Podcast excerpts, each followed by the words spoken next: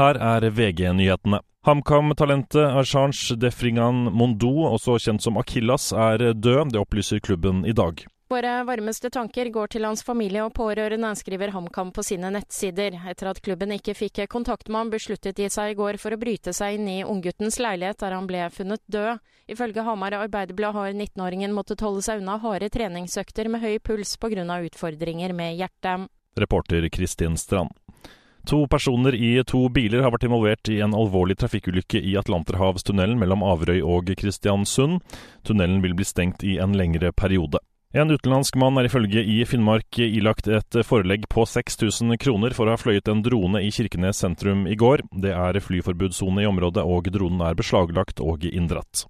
NRK ble i dag felt i Prestens faglige utvalg for den omstridte dokumentaren 'Ingen elsker bamsegutt'. Programmet var innklaget på tre punkter. PFU konkluderer med at programlederen fikk en dobbeltrolle som kunne svekke publikums tillit til publiseringens troverdighet og mediets uavhengighet. NRK har brutt god presseskikk på Vær varsom-plakatens 22, 32 og 48. Det sa Mathias Fedeler. I studio Andreas Hagen Haakonsen, nyhetene får du alltid på VG.